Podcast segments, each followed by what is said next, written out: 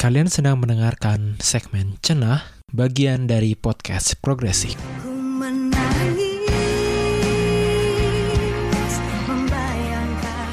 Hayo ngaku hayo, siapa yang tiap dengar kataku menangis ini langsung otomatis nyanyi lagu Rosa.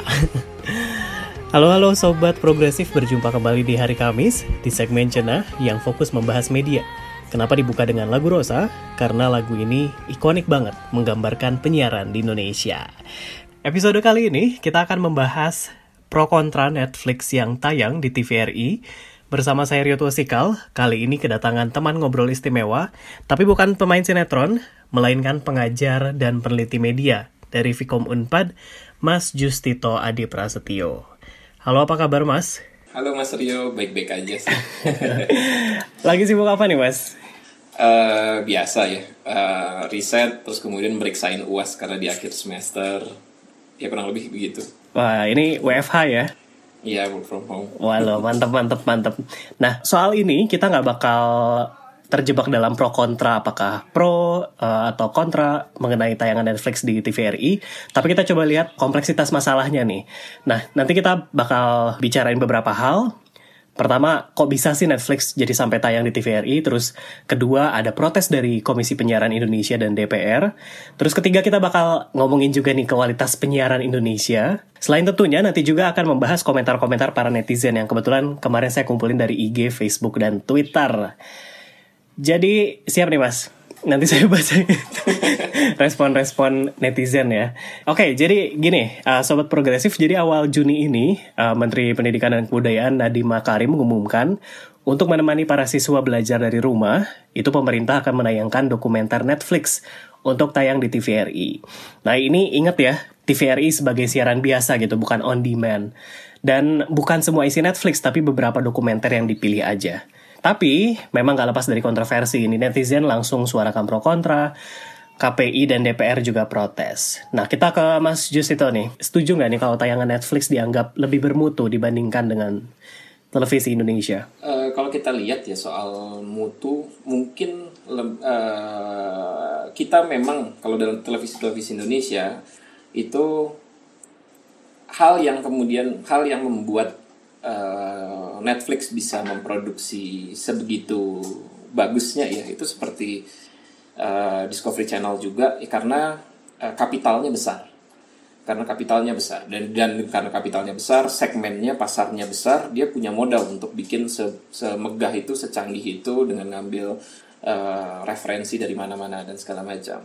Nah kalau kita lihat di Indonesia ini di luar praktik oligarki, di luar praktik dan segala macamnya, kue pasarnya ya se Indonesia aja gitu. Jarang banget kan tayangan Indonesia diekspor keluar dan segala macam. Plus eh, kalau eh, kita lihat misalnya eh, untuk apa ya istilahnya kalau untuk di TVRI misalnya eh, ini juga harus ditelaah lebih jauh sih dan eh, ditelaah lebih jauh bahwa kan kalau kita lihat ya TVRI itu televisi yang disubsidi oleh pemerintah gitu televisi yang disubsidi oleh pemerintah dan kalau saya sendiri melihat ya dengan budget yang di yang dimiliki oleh TVRI harusnya dia bisa bikin konten yang bagus banget gitu.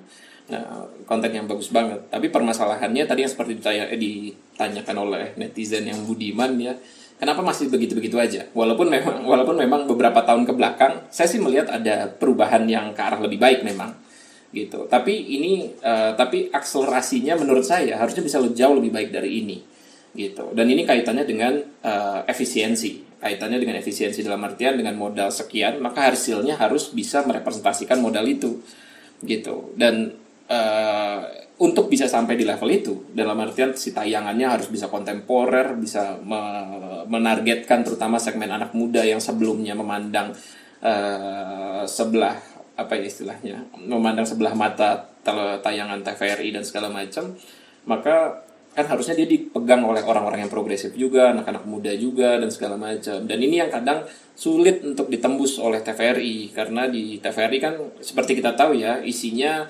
eh, yang saya nggak bilang mayoritas tapi eh, masih diisi oleh eh, orang-orang yang lebih senior, terjebak dalam jebakan birokrasi dan segala macam gitu. Tentu kan eh, banyak sekali gitu eh, orang juga yang berpendapat aku juga udah nggak nonton TV kok, udah nonton YouTube sama Netflix. Ini kan audiens yang udah bisa milih berarti ya, udah udah bisa milih, udah nggak nonton TV.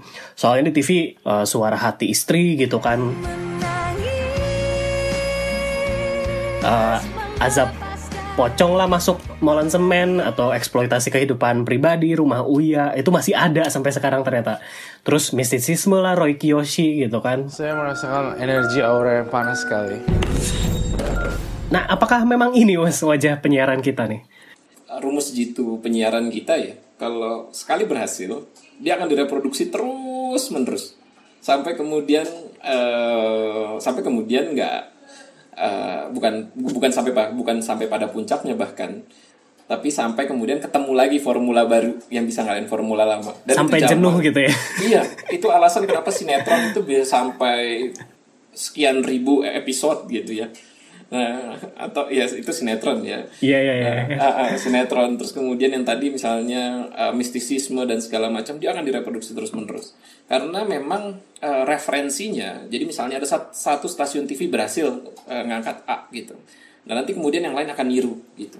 Karena ah, karena Hmm. Latah referensinya gitu ya? iya latah. Karena referensinya hanya sebatas itu gitu hanya sebatas itu. Sedangkan eh, kenapa saya juga kemudian menyambut baik gitu yang dilakukan oleh TVRI dengan membawa ba- beberapa tayangan Netflix sebutlah begitu ya?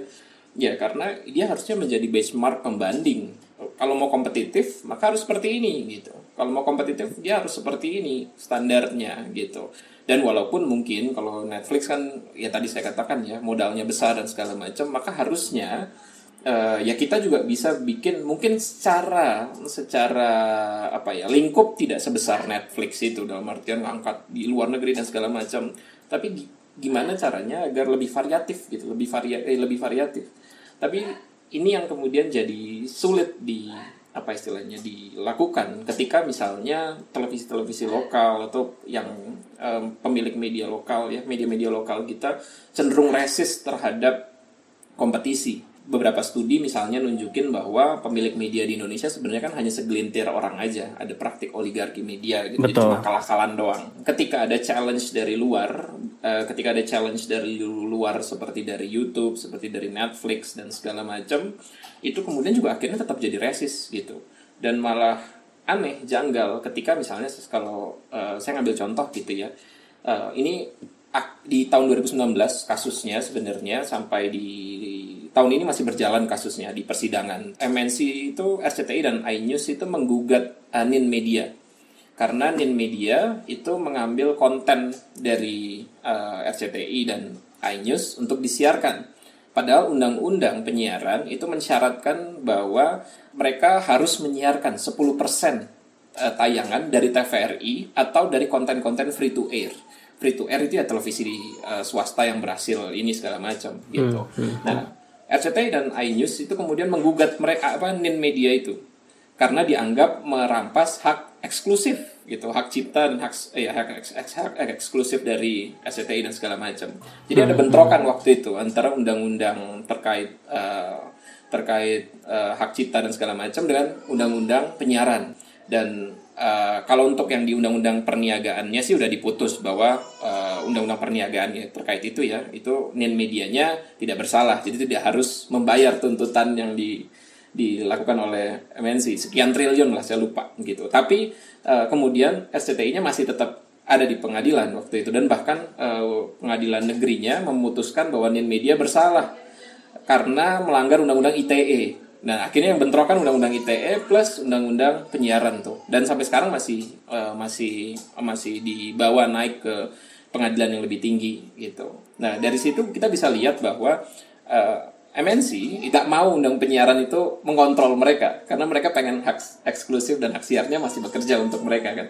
Tapi di sisi lain, ketika ada challenge dari luar, Netflix dan YouTube dan segala macam, mereka ingin undang-undang penyiarnya bisa ngontrol itu, gitu.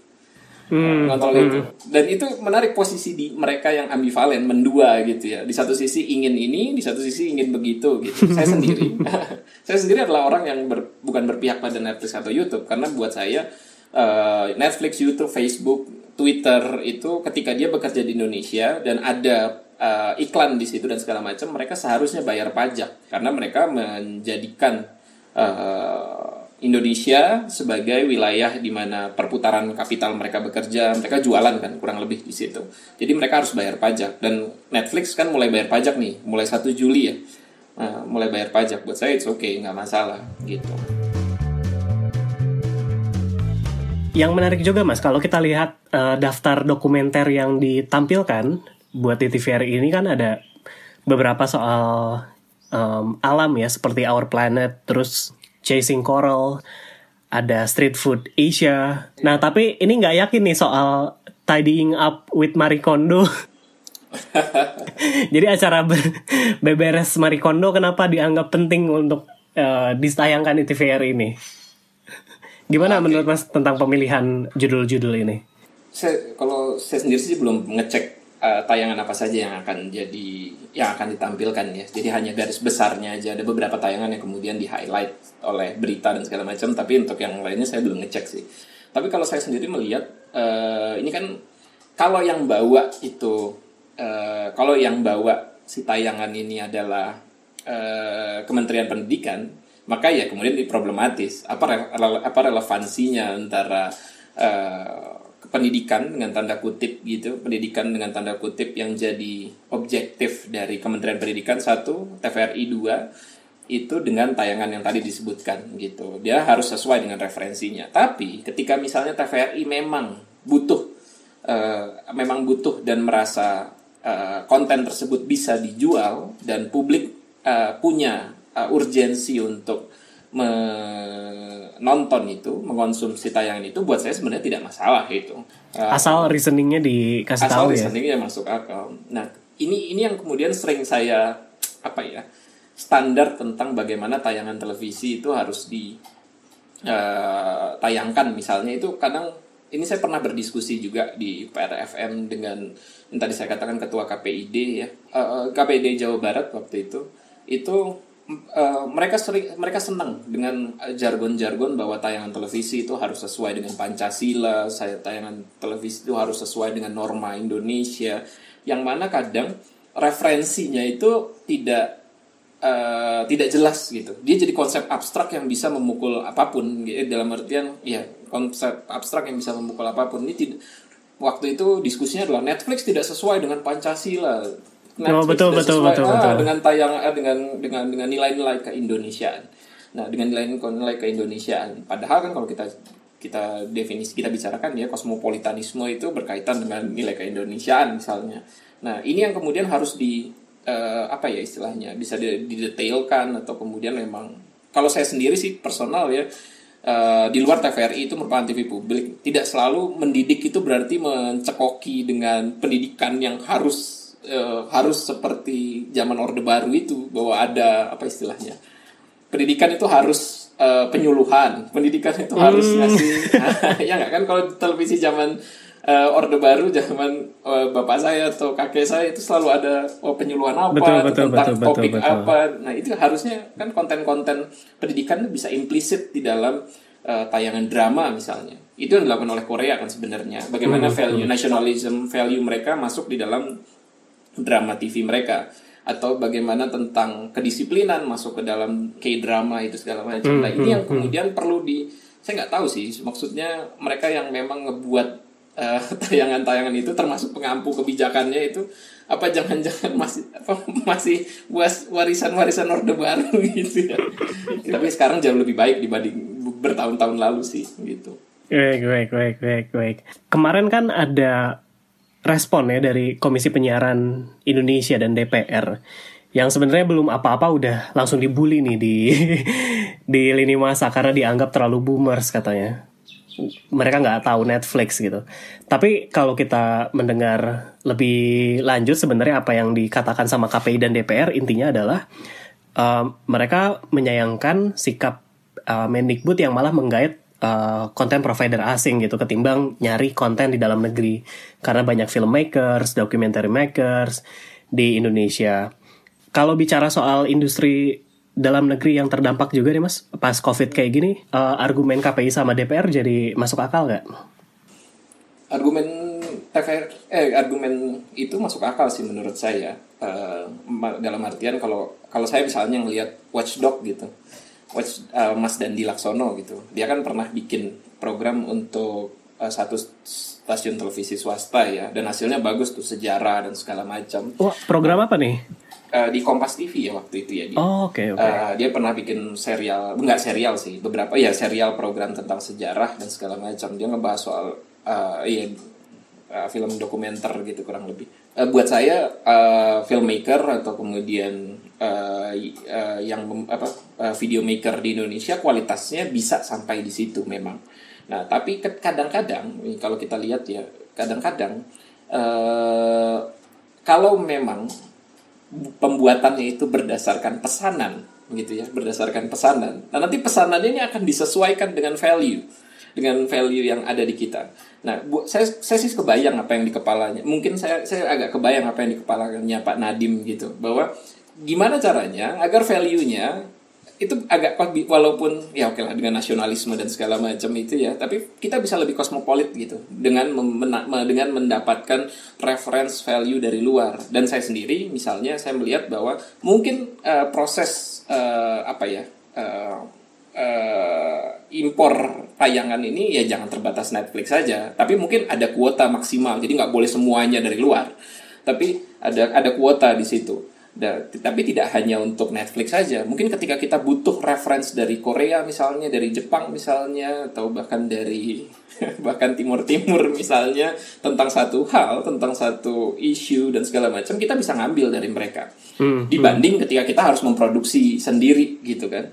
Dibanding kita harus memproduksi sendiri. Tapi kalau untuk yang tayangan-tayangan lokalnya, saya setuju betul. Kita kalau kita bisa bisa produksi sendiri gitu ya, kita bisa produksi sendiri. Misalnya TVRI butuh tentang eh, sejarah Majapahit gitu.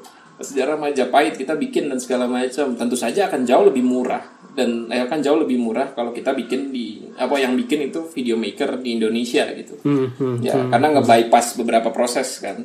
Nge-bypass beberapa proses dan segala macam.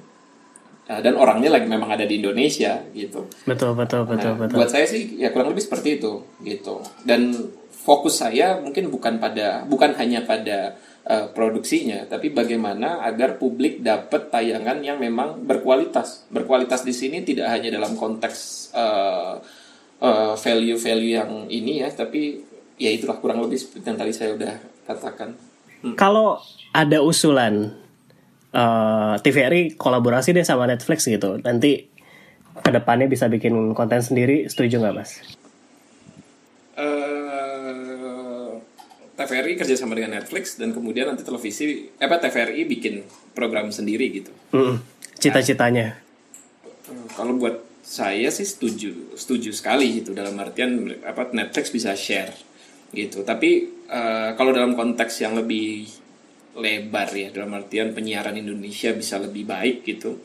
Penyiaran Indonesia bisa jadi lebih baik gitu, maka eh, kompetisinya harus fair sih. Kompetisinya untuk harus bisa fair. Fair di sini tidak eh, dalam konteks ini eh, Netflix harusnya tidak dibatasi masuk di Indonesia bahkan oleh Telkomsel sekalipun agar eh, agar provider-provider dalam negeri bisa berkompetisi dengan dia. Tapi tentu saja lantai kompetisinya harus adil dalam artian eh, ini mirip dengan yang terjadi di industri perfilman kita gitu. Kan kalau di industri perfilman kita film Hollywood masuk ke Indonesia dominan banget sampai kemudian televisi apa eh, eh, industri film lokal akhirnya kembang kempis ya. Banyak kritikus yang ngebahas soal itu dan segala macam. Maka harusnya memang industri film lokal naik eh, lantainya gitu dalam artian bisa di, di, di, di, difasilitasi dan segala macam. Nah tapi kalau saya melihat eh, kalau dalam konteks televisi lokal siaran dan segala macam kalau kita nggak punya kompetitor dalam kalau mereka nggak punya kompetitor sebagai pembanding contohnya kayak sinetron contohnya kayak eh, bukan doku- dokumenter yang tentang alam tapi apa pun lah yang dibuat oleh televisi-televisi swasta itu gitu. Kalau mereka nggak punya pembanding dengan benchmark yang lebih tinggi mereka kan sebegitu begitu aja. Dan ketika mereka membandingkan dengan TV, TV swasta lain yang sesama televisi, apa televisi swasta dalam lingkup Indonesia ya itu ibarat ber apa yang satu nilainya lima setengah satu nilainya enam gitu. Dan mereka udah puas puas di angka itu gitu. Dan masyarakat kan nggak punya pilihan mau yang lebih bagus atau enggak dan generasi yang lebih muda atau generasi yang kayak kita kita ini mas ini aja televisi Ya, lokal kita kita lebih begini. muda ya mas ya. iya hitungannya lebih muda dibanding orang tua saya Karena generasi yang eh, sekarang SMA udah nggak nonton TV sama sekali, Mas. iya generasi ini yang yang ke bawah udah nggak nonton TV lagi gitu mereka ketika melihat kok kayak gini ya mereka akhirnya kemudian geser ya tentu saja ini bias kelas menengah ya dalam artian bias kelas bias kelas menengah dan bias Jawa gitu. Karena yang punya layanan internet bagus tadi di komentar kan juga disebutin Jawa. Yang dan punya yang jadi yang kelas sosialnya agak lebih tinggi itu kalau nggak di perkotaan. Nah tapi kalau untuk yang di daerah pelosok dan segala macam mereka masih nonton TV sebenarnya walaupun usianya lebih muda gitu Eh, tapi mereka kemudian tetap ke distraksi untuk nonton di Facebook, kemudian di eh, nonton di, di Facebook udah ada eh, video Facebook ya eh, segala macam atau di Instagram kadang-kadang atau mainan TikTok dan segala macam tuh. Mereka juga udah mulai meninggalkan televisi karena ya begitu-begitu aja. Nah, buat buat saya dengan adanya kompetisi selama si kue eh, iklan dan segala macamnya ini kue iklan dan segala macamnya ini bisa fair untuk yang dari luar dan dari dalam gitu maka harusnya mereka jadi punya pembanding gitu mereka jadi punya pembanding kalau lu mau masih terus dikonsumsi gitu maka harusnya eh, lu harus ningkatin standar kualitas lu gitu. dan itu hanya bisa bisa dan hanya bisa ketika eh, kan selama ini kenapa industri media di kita mulai apa ya istilahnya kembang kepis dan segala macam karena kue iklannya kan kesedot ke Facebook ke YouTube Wah, ke- betul ini. Kalau udah Nah. bicara masalah duit. Nah, kapitalnya udah kesedot ke situ tuh dan bahkan eh, ya itu segala macam nah ini harusnya dipajekin juga nih gitu jadi bisa fair semuanya dan bahkan kalau misalnya pemerintah harus mensubsidi eh, televisi lokal dan segala macam itu pun nggak masalah selama standarnya bagus dan memang eh, persaingannya bisa yang luar dan ya gitulah kurang lebih ya Jadi ini kuncinya adalah menciptakan ekosistem sistem yang adil ya buat uh, semua gitu sehingga masyarakatnya sudah uh, bisa memilih. Nah ini terakhir nih mas, pertanyaan pamungkas. Kalau TV bikin tayangan bagus, nggak laku karena audiensnya katanya sukanya yang jelek-jelek. Jadi pertanyaannya, TV-nya duluan yang pinter atau audiensnya duluan yang pinter? kayak ayam sama telur ini Iya, tapi harus pilih salah satu mas. Kalau eh, saya sih ngelihat eh, eh harusnya televisinya sih. Kenapa harusnya televisinya? Karena resource-nya dipegang televisi. Tapi resource-nya dipegang televisi. Tapi kalau dari pengalaman misalnya, kalau dari pengalaman yang kita lihat ya, contohnya net gitu. Net awal-awal berusaha untuk bikin yang bagus banget gitu. Terutama ketika Pak Wisnu Tama masuk net itu kan pindah dari trans terus kemudian masuk ke net oh bagus sekali dan segala macam tapi ternyata eh, tingkat konsumsinya nggak setinggi yang dibayangkan gitu dan akhirnya kemudian beberapa tayangannya net ditutup gitu akhirnya semuanya jadi kayak talk show semua ya berapa waktu Net kemarin sekarang gitu. nayangin TikTok juga ya. Nah, iya segala macam. Dan itu bisa dan hanya bisa ketika kan gini. Ini ceritanya eh, ini ada televisi swasta banyak gitu ya. Nah, kalau yang yang mencoba untuk mengubah itu cuma satu gitu dan dia terbatas karena nggak fair ya karena net itu bukan eh, bukan televisi-televisi yang kayak RCTI, SCTV apa istilahnya eh, aduh istilah badannya apa yang mereka bisa menyiarkan secara nasional. Awalnya kan net TV nggak nasional kan dia mereka bukan tuh televisi swasta yang bisa bersiar secara nasional karena ada eh, aturan itu segala macam.